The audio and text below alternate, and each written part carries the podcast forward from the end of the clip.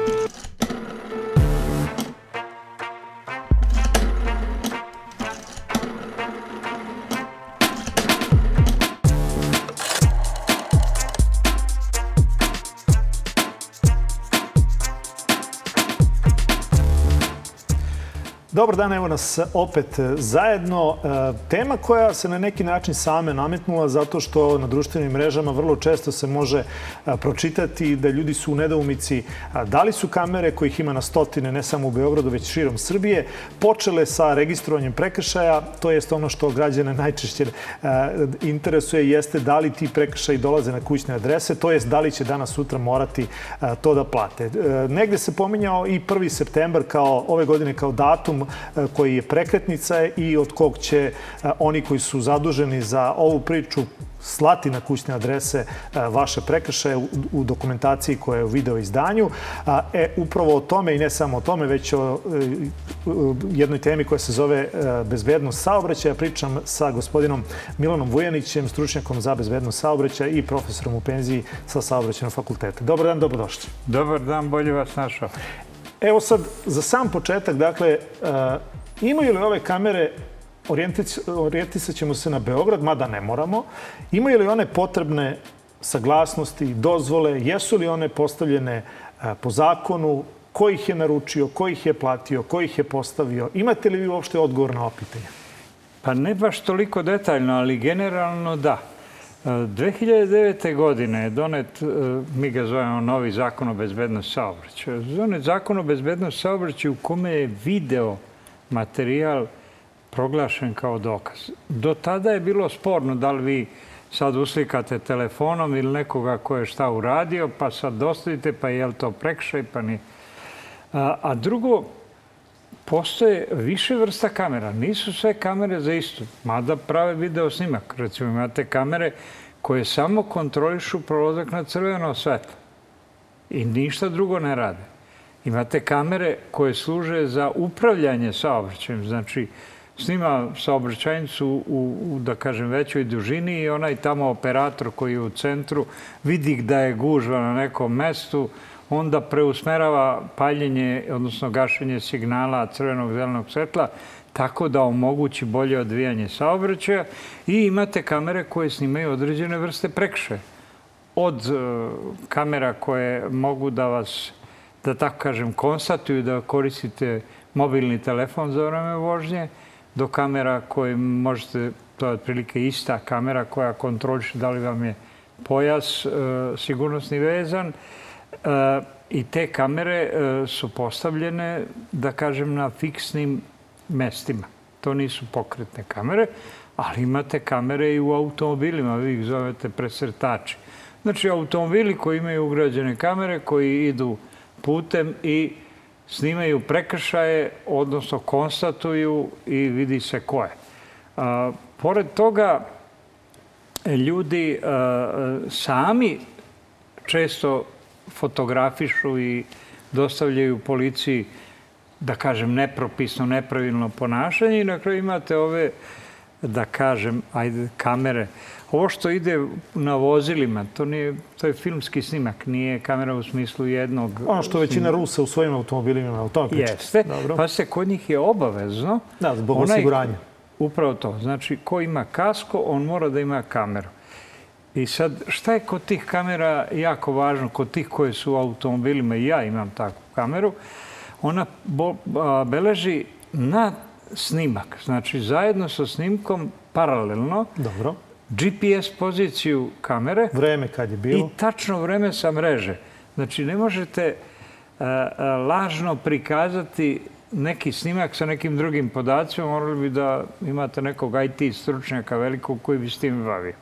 Ajde da razjasnimo, da vas vratim na, na pređašnje pitanje. Da razjasnimo, dakle, vi rekao ste, ove nas interesuje ovde u Beogradu koje postoje, a to su, ja pretpostavljam, neke tri vrste kamera. Dakle, vidimo po njihovim obliku da, bar meni se tako Sve čini... Sve tri imamo vrste. Znači, one I koje... šta koja radi?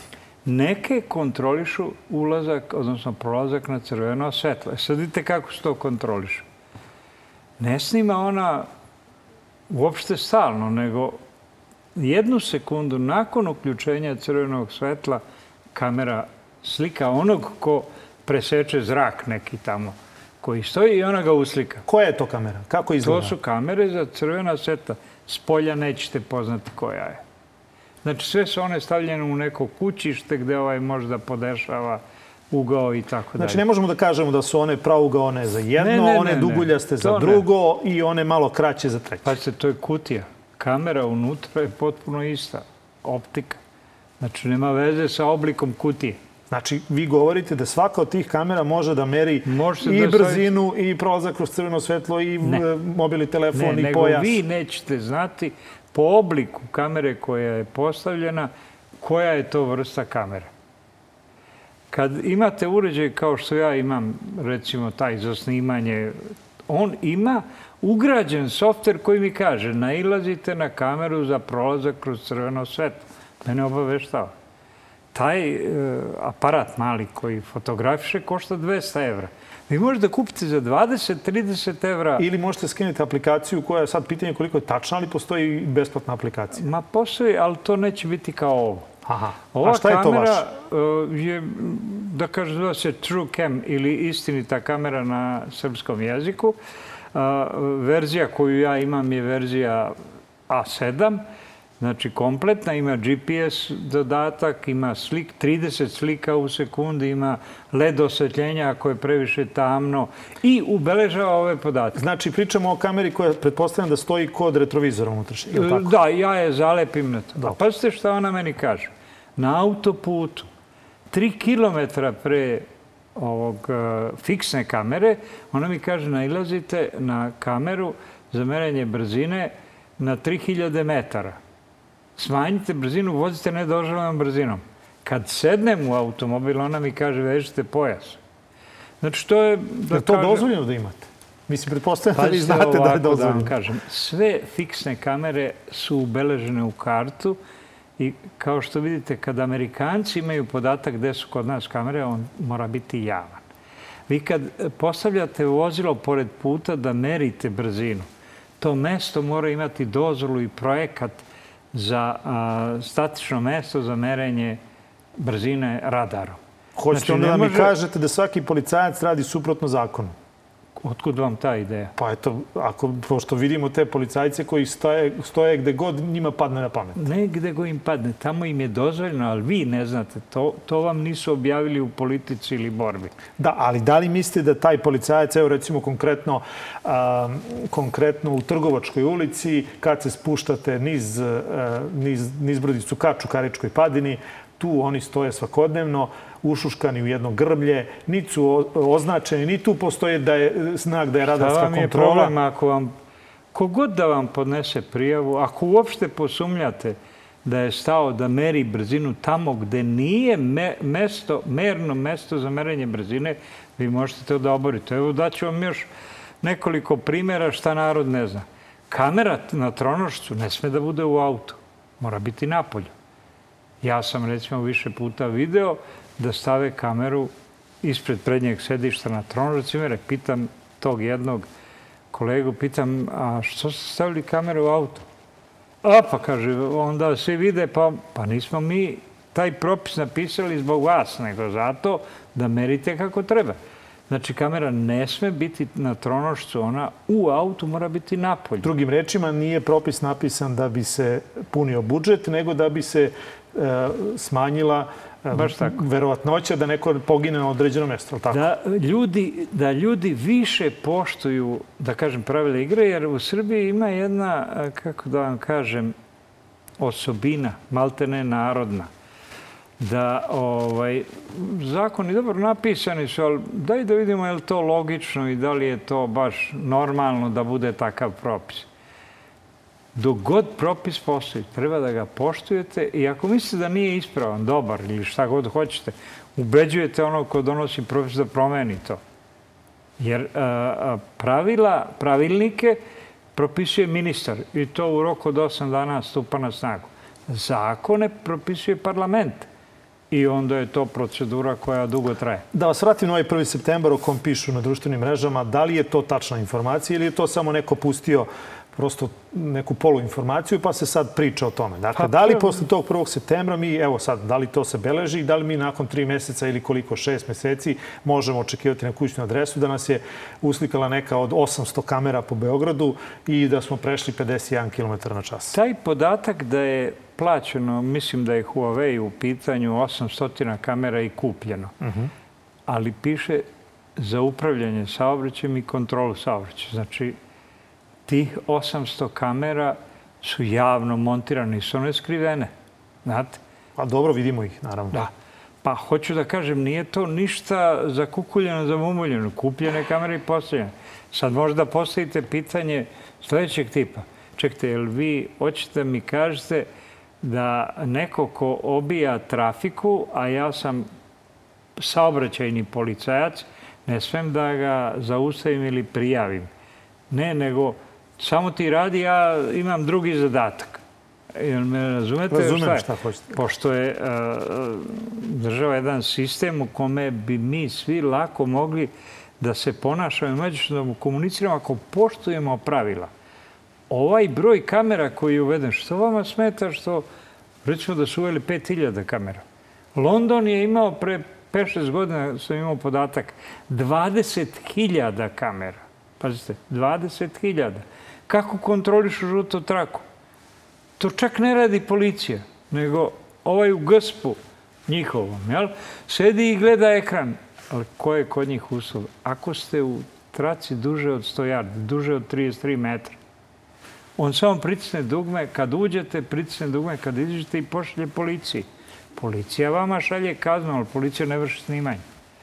Jel me razumete? Znači... Razumem ja, ali vi meni još nikako da odgovorite na pitanje. Dakle, možemo li očekivati da će nam na kućne adrese uskoro stići kazne, jer pretpostavljam da niko Može, nije obavešteno, decidno nije nigde rečeno, od 1. septembra kreće u upotrebu sve kamere u Beogradu i svim gradovima u Srbiji gde god da su postavljene, kogod krši pravila. 2009. Da... vam je rečeno da se saobraćaj i prekšaj mogu detektovati, odnosno Dobro. snimiti kamerom. I da je to da materijal dokazni.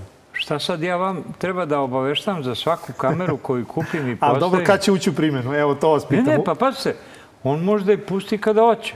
Jer smo se dogovorili da se tako kontroliše. Pa šta je čekao od 2009. do danas? Pa da ih kupi prvo. Jel vidite da su kupljene prošle godine? A postoje one već tu dve godine. Pa da, ali tu kameru koju kupite, šta, priključite i ona radi. Pa neće biti baš tako. Aha, znači mora da imate software. i softver, Dobro. pa onda mora da se napravi računari koji to... te kockice sklopile? Tako je, i onda da napravite programe koji to što je detektovala kamera pretvara u oblik koji se šalje onome kome se šalje i obično je to automatski, znate. Prolazak za crveno svetlo ne pita on operatora hoćeš da mu pošalješ. Neko pošalje kao i ovi parking koji snimaju, jel? Mhm. -huh. On vam pošalje... Doćemo i do njih, doćemo i do njih. Dobro, A, oni su ma, malo sporniji nego ovi drugi. Nego ovi, da. A, ako ja mogu da zaključim, evo, evo umesto vas, dakle, očekujemo.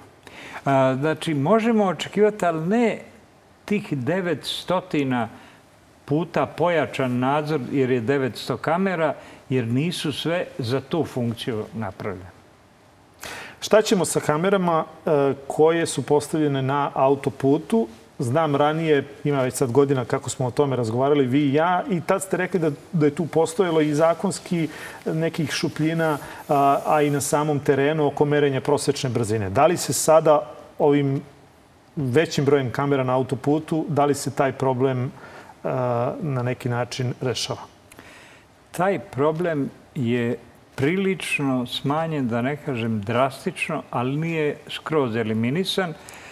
Radi se o tome što je sad uh, podeljen recimo od Beograda do Niša na 12 deonica.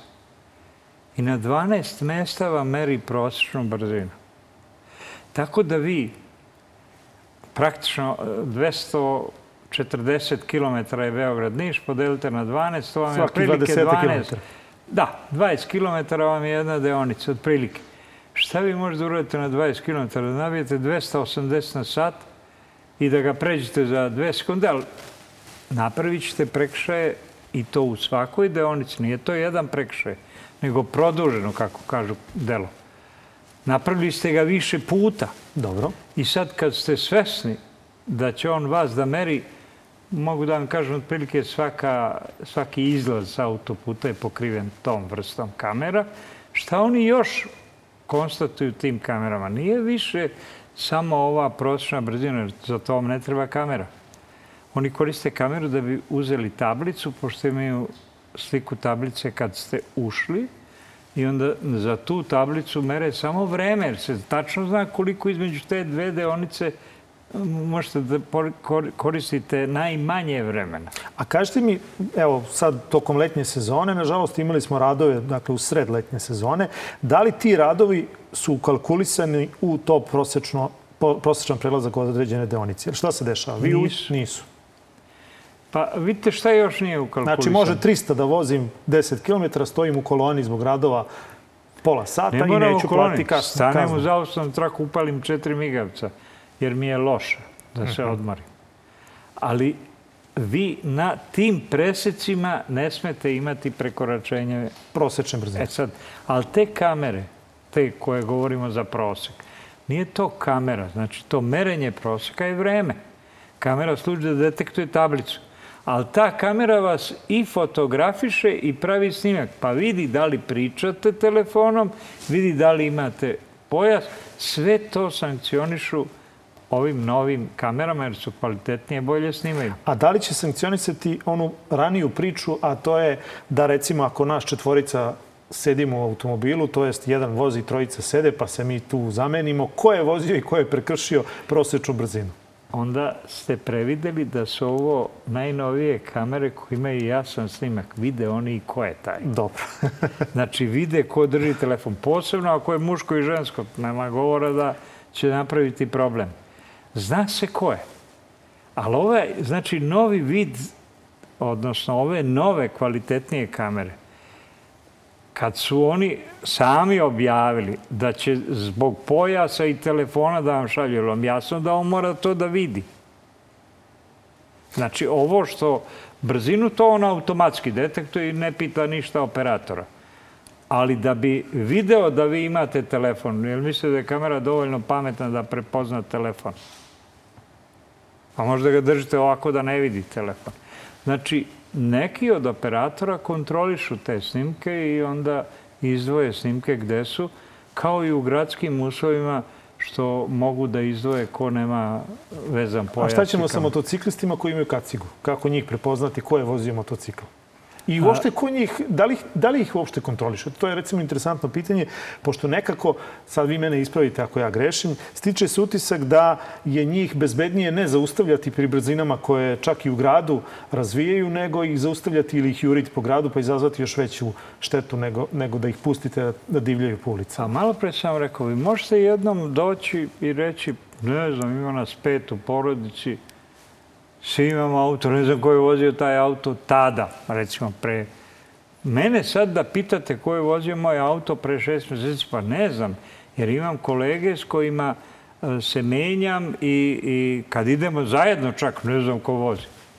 I sad ćete me pitati ko je vozio, ne znam. Ali tad će da vam kaže u redu, ali sad ste u obavezi da vodite evidenciju ko vozi vaš auto. Ne možete vi meni stalno pričati da ne znate ko je. A za ove na autoputu, znate koji je e, način da biste e, izbegli, recimo, tu kameru? Palo mi je na pamet dok ste pričali. Pa recimo kad biste vozili iza nekog vozila, tako da vam kamera ne može ustikati tablicu. Recimo da ide kolona od deset vozila, prvog i zadnjeg možda vidite tablicu. Ali ako voze blizu, ne možete da vidite ostale. Nemate ugao za snimanje. Dobro. Da, ali bi taj prvi i zadnji morali da budu detektovani. Znate, jer on mora da vozi brzinom koju vi vozite da bi moglo to da ide. Tako da, A šta ćemo s motociklistima? Male... Molim? Šta ćemo s motociklistima? A sa motociklistima ne možete imati bez pitanja, pošto e, sa onom kacigom koju su obavezni da nose, još pogotovo ako obuče ono delo zaštitno, niste u stanju da detektujete. Koje možete, eventualno, da li je krupniji, sitniji, ali ko je tačno, to ne možete. Oni imaju, recimo, to znate, imaju Bluetooth telefon u kacigi. Da. Pa je li njima zabranjen telefon? Ne znam da li je. Pa nije. Pa ne možete da ga zabraniti kada možete da ga detektujete. Nije zabranjeno korišćenje ni telefona u automobilu, ne telefona, nego ne smete da. ga držati u ruci, ali imate pravo preko uređaja da ga koristite. A šta kad pominjete šta sve ove nove kamere mogu da vide, šta one smeju da vide? To jest šta ne smeju da vide? Šta je ono što pa, po zakonu, drugom nekom zakonu zaštite podataka ličnosti, e, te kamere ne smeju da bude dostupan podatak? Pa vidite, ovaj, nelogično je da neko ima pravo da vas snima, a vi niste pod specijalnim merama gde treba da vas prati i snima. Dobro, znači nije sud to izdao kao... E, I sad, ako biste snimali takvom kamerom, video sam nemački primer, gde oni daju sliku vozača s prednje strane koji je prekršio, a pored njega je ovaj veliki pravougonik bele boje, tako da se ne vidi ni da li ima neko i ako ima, ne vidi se svakako ko je. E, zbog baš te zašte e, privatnosti, jer možda budete sa poslovnim partnerom iz suparničke firme i on vas uslika i uputi vam ili kući ili u firmu i sad e, vi dođete u problem zbog toga što je neko iz sasvim drugih namera to radio. E sad, e, vratit ću vas na ovo pitanje oko, oko radara. Dakle, pre neki dan sam otišao u Aranđelovac i e, na ulasku u Aranđelovac e, sa sve tri strane postoje kamere za merenje brzine. Postoji znak koji kaže da je ograničenje 40, ali nigde nema znaka da da je tu snimanje kamerom. Da li on mora da bude ili ne mora? Ne mora da bude znak za kameru, ali mora znak za radarsko snimanje. Znači, kad je mesto dozvoljeno, propisano i tako dalje, videli su ono radar, upozorenje. Kad kažete radarsko snimanje, mislimo na ove tronošce, kako ih vi zovete. Da, znači, da, to je radarsko snimanje. Na klasično radar, on može biti fiksni, a može biti i taj, ali vas upozorava. Međutim, ne mora da vas upozori na kameru. Mi nemamo, da kažem, u propisima tu obavezu da upozoravamo, baš zbog toga što imamo različite kamere. Što da napišem? Kamera snima prolaze kroz crveno, to još i imate na nekim ovaj, mestima, ali je stavljeno iz drugog razloga. Znate, vi kad stavite nekom da snima kamerom, on izbegava da čini prekšaj. A nije meni suština da kažnjavam ljude jer prolaze kroz crveno, nego da ne prolaze kroz crveno. I zbog toga uh, ima nekoliko metoda kojima se to radi. Da se stavi maketa policijskog auta pored puta i onaj ko vozi, učini mu se policijski auto, ne zna on da li je. Kad priđe blizu vidi da nije, ali već je smanjio brzinu. I to rade u Americi odavno. Ali rade, za razliku od nas koji štedimo pa koristimo makete, oni prave automobile, krene njih petorica sa pet automobila i onda je ovaj peti pokupi i vrati nazad da ta četiri automobila ostave na opasnim mestima da stoje, baš i pravi auto, policijski. Vi vidite da je policijski auto i potpuno drugačije, to smo dokazali iz psihologije, da ljudi koji očekuju da će biti detektovan prekšaj ne rade prekšaj. E, vrlo često ste na sudu kao veštak, e, pa da li Da li sve ove mere koje smo uveli, dakle, novi zakon, pa doradu tog zakona, pa su ovu tehnologiju modernu, da li su one sve ukupno doprinili bezbednosti saobraćaja, to jest da li više ljudi, to jest manje ljudi strada na našim putevima a, i da li ima manje saobraćajnih nezgoda? Ajde da kažemo kroz brojke. Mi smo počeli da pišemo zakon 2001. godine i Tada je bilo 1274 poginula na srpskim putevima. Zakon je usvojen 2009. ali svo vreme smo dizali buku oko njega u sredstvima javnog informisanja kao i u ovim emisijama i opadao je broj. Već prve godine je 30% opao broj poginulih jer je narod nije bi znao je li taj donesen zakon ili mi pričamo o nečem što ćemo doneti. Tako da smo do 2014. se spustili na 534. Znači, dva i po puta je manji broj poginuli. Od oko 40.000 povređenih, mi smo došli na 19.000. Znači, oko dva puta smanjen broj povređenih. Broj saobraćenih, broj poginućih. Znači, uspeh postignut. E onda je 2015. ja sam očekivao da će da nastavi taj trend. Međutim, 2015. je skočio na 600 broj poginulih i pet godina do 2021. do 2020. tačno, 2021. već imamo pad na 500 34. Dva manje nego 2014. E, pročitao sam, ne znam kada ste to izjavili, ali mislim da je bilo podavno, da je bolje da vidimo na ekranima krv nego da je vidimo, da, da tu krv vidimo na ulicama. Aludirajući na to, e, sećamo se svi onih akcija koje ste imali za bezbednu vožnju i onih šok, e, nisu to reklame, ali, ali ajde, terapije, to je možda prava reč. Zašto toga sada nema? Dakle, da li smo mi zadovoljni ovim što imamo ili, ili je neka druga stvar u pitanju? Pa vidite, ovaj, To je različit pristup. Recimo, kod nas je stav da te scene koje mogu izazvati negativna osjećanja zabranjene. REM mislim da je zabranio.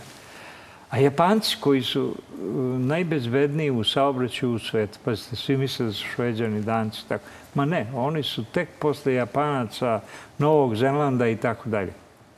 Dakle, ni Japanci imaju sledeću teoriju. To je ono što ste vi čuli. Što više krvi na ekranu, to manje na putu. Šta su hteli da kažu? Pa ako čovek vidi šta može da mu se dogodi, evidentno je da će imati veći oprez. Vi sad u Švedskoj kad prijavite da ćete da učite da vozite, imate dva testa koja, e, testa, nisu testa, dve vežbe koje morate da prođete. Svaki vozač koji se prijavio da uči za vozača B kategorije, prvo ga stavlja na onu strmu ravan stolicu, jel, da ona ide nizbrdo i naglo se zaustavi. Udarom se zaustavi i to pri 12 km na sat. Zašto?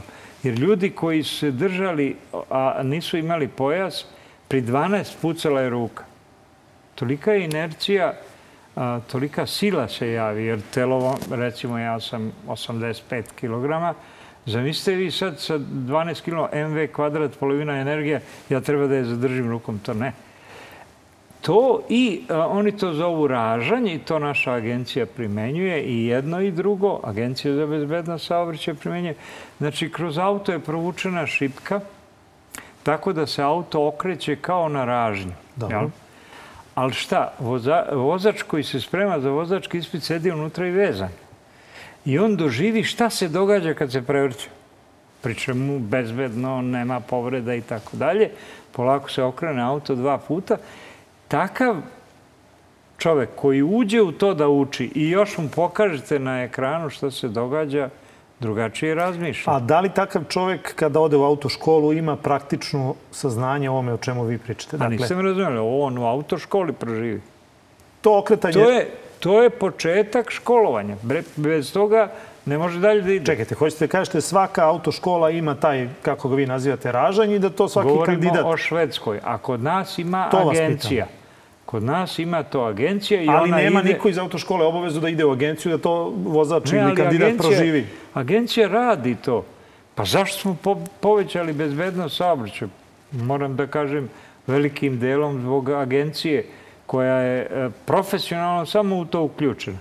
Znači, oni idu po mestima, mislim da su sad bili u Vrnečkoj banji ili negde.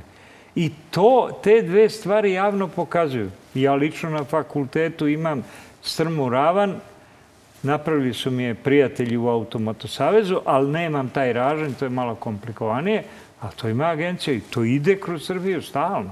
Ne, ne, zašto se ja to pitam? Dakle, e, imamo dobar primer navaka, recimo to je jedan od primjera, ali to je u nekoj, koliko ja znam, privatnoj režiji, je li tako? Ma jeste privatno, nije problem što je privatno, nego je ograničeno, znate, i po kapacitetu. Ne možete celu Srbiju dovesti ovaj, kod njih da prođe kroz Znam, to. ali zašto u samom, e, s obzirom da je toliko skupo, dakle, polaganje, dobijanje vozačke dozvole izađe oko 100.000 dinara sve poplaćate? Čekajte, jeste vi kad pitali, je li to interes države da ti vozači budu dobri da ne prave nezgode? Ne, ne, dopustite da vas pitam. Zašto dakle. ne finansira, odnosno subvencionira vozački? To sam hteo da vas pitam. Upravo to sam hteo da vas pitam. Pazite, a, gubici zbog saobraćajnih nezgoda. Ja sam računao i čak e, sadašnji redovan profesor Antić kad je radio magistarski rad, on je radio cenu saobraćajne nezgode u Srbiji. Znate kolika je bila tad, to je davno, pre 15 godina, cena saobraćajne nezgode je bila 480.000 evra. I sad kad vi uzmete da je u svetu se računa sa milion, Norvežani rade milion i tristo i predlaže se da bude 3 miliona po jednoj nezgodi. Sad pomnožite broj nezgoda u Srbiji i broj Koji poginulih u Srbiji i odmah ćete dobiti cenu. Recimo da uzmemo samo da je milion evra cena i da ste imali prošle godine poginulih 500, 600. Znači, 600 puta milion 600 miliona evra je gubitak države. Znači, ako vas dobro razumem, vi očekujete ili predlažete da država subvencioniše ovakav, ovakav vid uh, učenja vožnje. Dakle, no, interes praksu... države je. Jasno, jasno. Da, da, da Jer to ne, ne može da se finansira privatna autoškola, složit ćete se. Da ide tamo, ali pazite, jednom vozaču koji je mlad vozač i koji na klizavom kolovozu treba da ukoči uh, na iznenadnu prepreku. Ja mislim da ne može 150.000 časova da nadoknadi tih pola sata što će on otići u ovom slučaju na navak, što neće, ali što bi trebalo, a, i na taj način da nauči kako eventualno izbeći tu prepreku, kako spasiti život i sebi i ostalima. E, znači imate to osnovno obrazovanje i ja insistiram na tome da ono bude što kvalitetnije, to u autoškoli prvo, i zato smatram da ne sme da bude skupo. Država mora da ga subvencionira, njen interes. Ona zarađuje na tome ako smo mi bezbedniji. Pa šta mislite, Agencija za bezbednost saobraćaja, evo, ta koju mi imamo, ona je u prvo vreme bila finansirana od države prvih par meseci. Posle toga ona vraća novac u budžet. Zašto? Od svih tih stvari koje radi, koje prodaje za bezbednost saobraćaja, ona toliko zarađuje ovoj državi da vraća novac u budžet. A ja mislim da ne treba da vrati ni jedan jedini dinar. Ne, dovoljno je da bude na nuli, a da ovo uloži u autoškole, u ove spotove. I ako ste primetili, agencija e, svakih malo, malo izbaci neki spot koji je važan. Mi samo imamo sad zabranu ove krvi na ekranu. Ja sam protiv toga, jer mislim da bismo time još više digli i ako Japanci to mogu, a poznati su kao kulturni ljudi i fini ljudi, onda mislim da je to neki pravac koji treba. Jedan od činilaca bezbednosti saobraćaja, to ste mi i vi naučili, ja mislim da to zna svaki vozač, jeste stanje puteva. Bili ste u nadzornom odboru Puteva Srbije. Kakvi su putevi danas u Srbiji? Jesu li bezbedniji? Jesu li, jesu li na istom nivou kao što su bili recimo 2012. ili uzmemo neku drugu godinu ili su gori? Putevi su bezbedniji i ono što mislim da gledalci ne znaju, kad biste jednu državu prodali, znači prodali nekom drugom za nekoliko para, koliko već da, 30% od te vrednosti bi bilo putarski deo. E, e, izgradnja autoputa je od milion do pet miliona evra, zavisno da li je brdski ili po kilometru. Po kilometru. I sad vi, pazite koliko smo mi izgradili u zadnjih 10 godina. 15. Strašno puno. E sad kad pogledate broj nezgoda, broj poginulih, broj čega god hoćete po autoputu, po kilometru autoputa, on je drastično manje nego na običnim putevima. Zašto? Razdvojeni smerovi vožnje, nema čeonih sudara. Imate na letanju u magli, imali smo dva te slučaje, ali prepričavamo ih godinama jer su redki. Pa razdvojeni, pa su brzine skoro svuda iste, pa nema pešaka, pa da vam ne pričam što je sve autoput. Znači, što viša saobraćajnica po nivou, to manje nezgoda po kilometru. Učestvuju li u ovoj priči o bezbednosti tehnički pregledi i da li je ovo što sada imamo rigoroznije tehničke preglede, da li to daje rezultate? Da, sada su tehnički pregledi, da tako kažem, na jednom većem nivou. Znate, pre ajde da kažemo, par godina, 5 godina, tehnički pregled gotovo nije ni koštao, ništa. Zašto? Osiguranja su plaćala tehničke preglede zato da prodaju njihove, njihove polise. polise. Da. A onda je ukinuto to da ta funkcija može da postoji, I samo su te pare ostale osiguranjima. Nije, nije smanjeno za toliko polisa. I to je u redu. I sad su zato ono stavili 22% pa ukinuli jer u suštini je ostalo para od ovoga. Ali sad tehnički pregledi plaćaju. I šta smo uveli, ono što sam vidio u Engleskoj 1991. godine. Kad doterate auto na tehnički, on svo vreme ima uključenu kameru. I to je kod nas obaveza, tehnički traje pola sata, svo vreme kamera radi i snima. Ne gleda u MUP-u, ne gledaju svo vreme, sve tehničke, svo radno vreme. Ali svi Ako snimci postoje. Ne, ne, ne, svi snimci postoje. I vi, vama, ako posumnjate da je neki tehnički pregled ili vam neko javi, vi uzmete njegove snimke i sve možete pregledati. Znači, bolji su. A, na jednu stranu, svi mi koji imamo privatne automobile, šta je sa javnim prevozom? Dakle, e, imamo u Beogradu situaciju da se vrlo često može pročitati da su autobusi u sve lošijem, to jest kompletan taj vozni park da je u sve lošijem stanju, a dodatno problem povećava to što imamo manjak e, vozača. Ti vozači su preko 65 godina starosti vrlo često i što je možda još najgora stvar, kad završe svoj, svoju smenu u GSP-u, onda odu kod privatnika pa rade i tamo, dakle rade i preko vremena. E, koliko smo mi bezbedni vozeći se gradskim prevozom u Beogradu? Najbezbedniji vid prevoza je autobuski.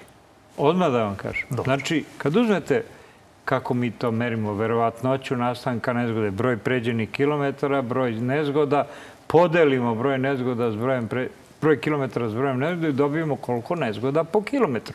Najmanje ima u autobuskom saobraćaju. Zašto? A zato što su to najodgovorniji vozači. Sad, evo, čačnuli ste godine i način rada. Ima dve, tri stvari koje druga zanimanja nemaju. Recimo, vozač ima karticu, kao lična karta, prilike. I kad sedne u autobus, mora da stavi karticu. Na toj kartici zadnjih 28 dana je upisano tačno kad je šta radio. Sad vi ako hoćete da ga kontrolišete, možete dođete za tri dana i gledate unazad 15 dana šta je radio. A autobus ima tahograf koji beleži svo vreme i vlasnik, je, vlasnik autobusa je dužan da pet godina čuva te podatke. Znači, policija kad posumlja, navešću vam konkretan primjer, onaj e, koji se prevrnuo u bugarskoj autobus. E, onda su oni, ajde da vidimo šta je, i celu firmu pretakljće napisali mu 99 prijava. Zašto? Zato što su našli 99 neispravnosti. Ali ne tog dana, ne tog meseca, nego... Ali evo odmah se nameće pitanje, vi kažete, to, taj autobus je trebalo da se izvrne, pa da bi onda oni ušli u kontrolu i, i napisali mu 99 A što prijava. se izvrnuo autobus? Nije on bio neispravan. Nego vozač teo da pomogne nekoj putnici nešto i nije vozio pravilno, nego se okrenuo od vožnje. Zbog toga je zabranjen razgovor sa vozačem. Pa ste stavili zabranjen razgovor. Zabranjeno je da ga ometate u vožnji. Potpuno je svejedno na koji Ne, zašto sam vas to pitao? Da li znate kako funkcioniše uopšte onda ta ko- kontrola? Dakle, vi ste na, naveli parametre pomoću kojih se kontrola može sprovoditi, ali da li je neko... Da li znate da u gradskom prevozu postoje kamere? Kad god hoćete, možete kažete dajte mi iz autobusa te i te linije, dajte mi da pregledam snimke. Sve ćete da Ko to može da traži? Policija. Pa to vas ja i pitam. Dakle, Pa da li da, policija ali- suviše e, kasno traži tako nešto kad se nešto desi? Ne, ne, ne, pa pazite, nemaju, nemamo mi veliki broj, e, da tako kažem, nezgoda u Pa gradskom imali prevozu. smo sa Iberturažom, sećate se, bilo je tu izletanja nekoliko puta, pa evo sad, prošle godine je Znam, ali- uleteo u Dečiji park. Kako vam je interesantno to ostalo u pamet? Znate zašto? Zašto je redko. Ako vam kažem da svaki, svaki dan 3,5 hiljade ljudi u svetu pogine u saobraćaju. Niti znate, niti vas zanima, jer navikli ste se da ginu. Ali kad vam kažem da je autobus ili da je pao avion, 350 ljudi poginulo, pa to je strašno. A 3,5 hiljade ih gine svaki dan. Znači, pitanje je zbog čega vam je skrenulo pažnju. Ovi autobusi gradskog prevoza, kažete da su u lošim stanju, nije tačno. Evo, moram odmah da vam kažem da je netačan podatak. Pre 15 i 20 godina Lejlande, ako se sećate uopšte kako su izgledali, da mi kažete da je Lejland bolji od ovog? Ma nije. Nema ni klimu, ni jedan nije imao klimu. E, pa dobro, ako ćemo je... sad, pa dobro, ako ćemo upoređivati stanje voznog parka 91. i sada, naravno da ne možemo reći da je sad gore znači, nego, bolji nego je su bolje. autobusi nego što su bili, ali narod očekuje da budu još bolji, pa zato kaže da su loši. Jel se slažem? Slažem se. ovaj, drugo, vi ste sad uveli, ne vi, nego mislim gradska vlada je uvela zakon. On mora da ima euro 6 da bi vozio. Euro 6 autobus. Vi privatno možda vozite euro 2. Možda vozite i nula. A grad ne. I proizvođač, odnosno proizvođač prevoza, prevoznik, on mora da ispuni sve te norme. Svaki auto ima dnevni tehnički, to je prilikom izlaska na turu, on mora da mu potpiše da mu predao auto ispravan, ovaj mora da potpiše da je primio ispravan. Čačuli ste i 75 godina vozači ili koliko hoćete. Evo ja imam 75, mi zabranili da vozim. Dakle, tu je pitanje lekara. Moram da vam kažem. Pazite, da, da li bih vam zabranio da vozite 100 ljudi? Da li bi mi zabranili da vozim 100 ljudi? Pa najverovatnije, s obzirom na vašu zanimanje i vašu praksu, bolji ste možda vozač od nekog mladog od 25 godina, to svakako. Slažem Šta sam teo da vam kažem? Baš zato da ne bismo uveli administrativnu zabranu koja je totalno, recimo, može biti i nelogična ili oštetimo nekog bezrazložno, zato je uvezen lekarski pregled. Vozači preko uh, određene granice, prvo kao privatno, vi izvadite vozačku dozvolu i važem 15-20 godina. Ne idete na lekarski pregled. Oni moraju kraće, jasno. Da. A oni kao profesionalci nemaju to pravo. I sad mi objasnite kako možete da smatrate da neki vozač nema dobre reflekse, ne vidi dobro ili ne znam šta, ako mu je lekar napisao da je sve to u redu? Ma ne, ja samo se osvrćem na brojke. Dakle, brojke govore, negde sam pročito podatak, da, da konstantno fali oko 20% O, dakle, da je veća potražnja za vozačima nego što je ponuda. Da ti ljudi odlaze u inostranstvo, plate koja je mnogo veća tamo i tako dalje. Pa što? Pa shodno tome, dakle... Pa što? Pa znate li koliko je godina dozvoljeno da vozite autobus, recimo, u Nemačkoj? Do 65, valjda. Dobro. A kod nas nemate ograničenja. I onda ga on izbaci iz igre. Znači, on je nemilosrdan. Ali ovaj moj koji dobija veću platu tamo nego što dobija ovde, ode tamo. I sad šta? Sad mi uvozimo vozače iz... Ja čuo sam Vijetnam odakle dolaze. Iz raznih zemalja da kažem, trećeg sveta uvozimo vozače. Zašto? Jer nemamo dovoljno svojih. Ili ćemo, taj predlog je već dat, sniziti e, godišnju granicu. Evo da vas pitam. Kod nas vozač može postanete sa 17 godina. Položite vozačke. U Americi sa 16. Što je? Su oni pametniji? Ali ne sad. Mi kad smo počeli da pišemo zakon, znači 2001. Tad sam se pozabavio da snimim ta zakonodavstva drugih zemalja. Znači, u većini zemalja razvijenog sveta sa 16 godina dobijate probnu, a kod nas sa 17. Zašto?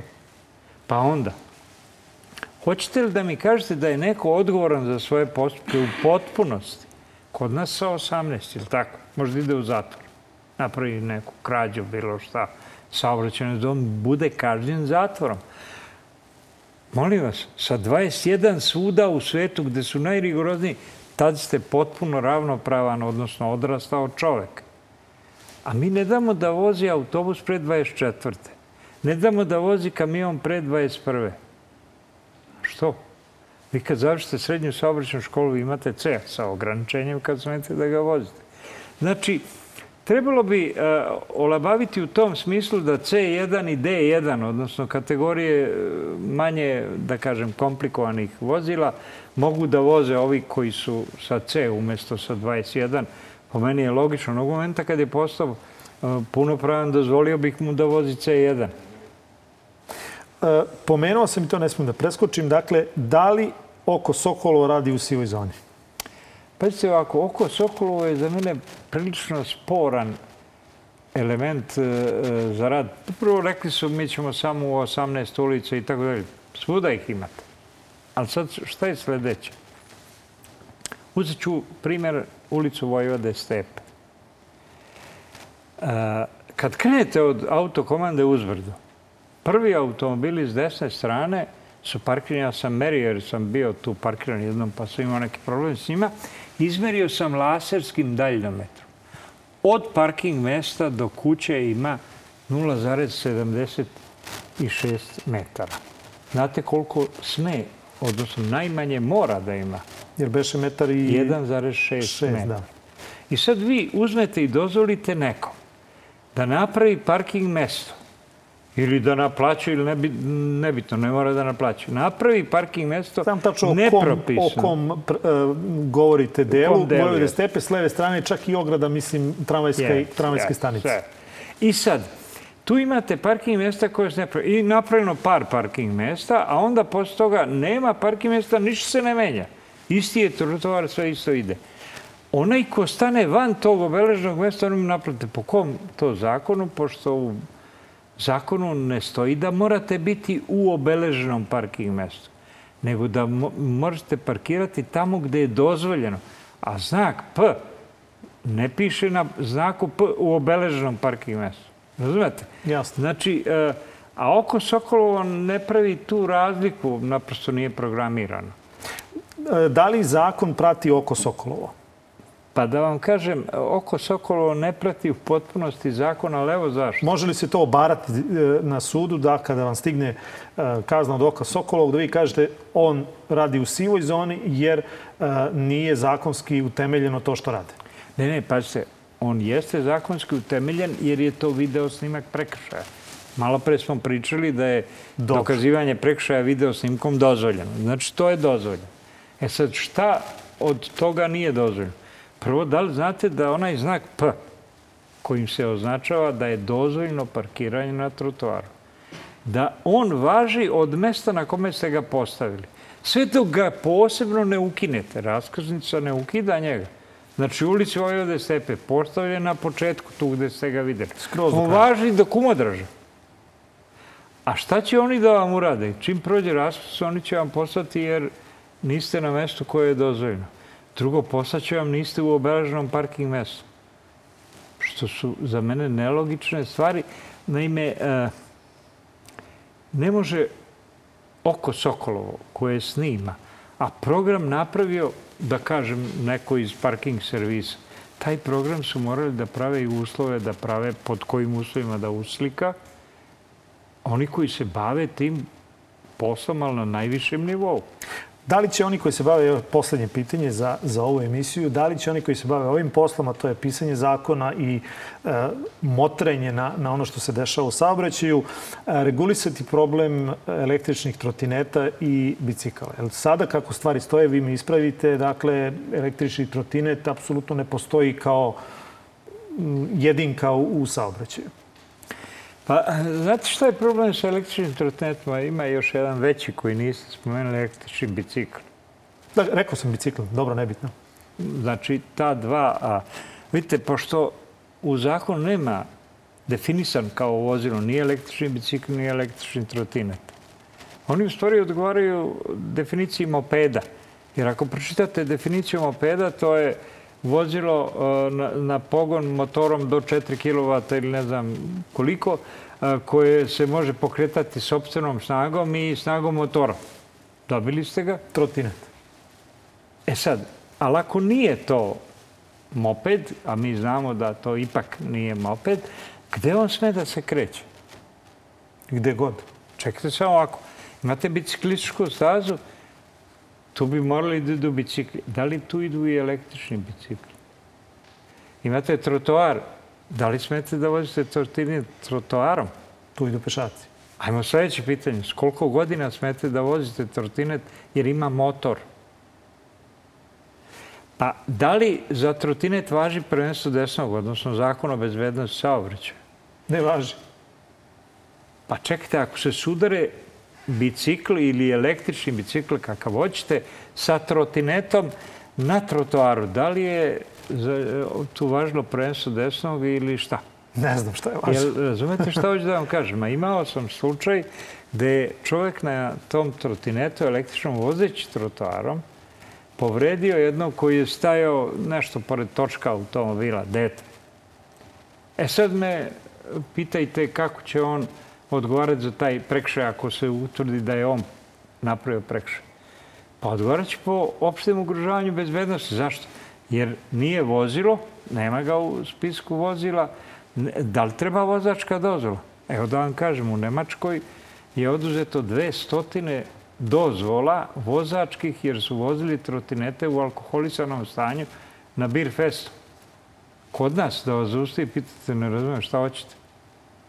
Ne vozim ja ovo, nije vozim. Znači, trotinet još ne postoji u zakonu. E, Kad će postojati? Imate li odgovor na to pitanje? Moram da vam kažem da e, postoje indicije jer smo razgovarali, e, ima grupa koja je formirana za unapređenje, odnosno pisanje novog teksta Zobsa i taj, da kažem, problem jeste odmah stavljen na dnevni red. Na dnevni red. Profesore, hvala puno na izdavno vremenu, na, na današnjem razgovoru i odgovorima. Ja se nadam koristim za sve one koji, koji gledaju emisiju. Hvala još jednom. Izvinite što smo se upoznali, bilo je slučajno. Moj današnji gost bio profesor Milan Vujanić, stručnjak za bezbednost saobraćaja, a vi postavite pitanje na broj telefona 069 893 0023 ili šaljite vaša pitanja na Facebook, Instagram i Twitter mrežu Pitajte Đuru ili na e-mail adresu pitajteđuru.nova.rs.